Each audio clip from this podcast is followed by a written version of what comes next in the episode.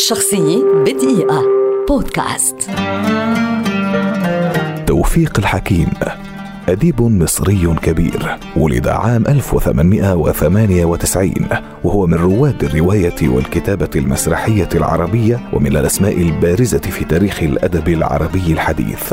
كان للطريقة التي استقبل بها الشارع الأدبي العربي إنتاجاته الفنية بين اعتباره نجاحا عظيما تارة وأخفاقا كبيرا تارة أخرى الأثر الأعظم في تبلور خصوصية تأثير أدب توفيق الحكيم وفكره على أجيال متعاقبة من الأدباء. وكانت مسرحيته المشهورة أهل الكهف عام 1933 حدثا هاما في الدراما العربية. فقد كانت تلك المسرحية بداية لنشوء تيار مسرحي عرف بالمسرح الذهني لصعوبة تجسيده على المسرح. فبالرغم من الإنتاج الغزير لتوفيق الحكيم فإنه لم يكتب إلا عددا قليلا من المسرحيات التي يمكن تمثيلها على خشبة المسرح. فمعظم مسرحياته من النوع الذي كتب ليقرأ فيكتشف القارئ من خلال خلاله عالما من الدلائل والرموز التي يمكن إسقاطها على الواقع بسهولة لتسهم في تقديم رؤية نقدية للحياة والمجتمع تتسم بقدر كبير من العمق والوعي.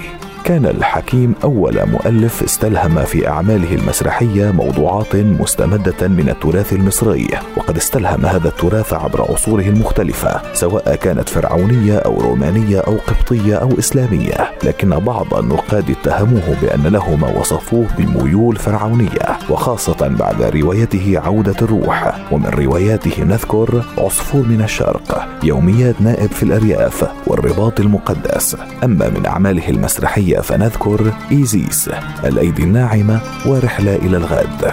في السادس والعشرين من يوليو عام 1987 رحل توفيق الحكيم عن عمر ناهز 89 عاما. شخصية بدقيقة. بودكاست.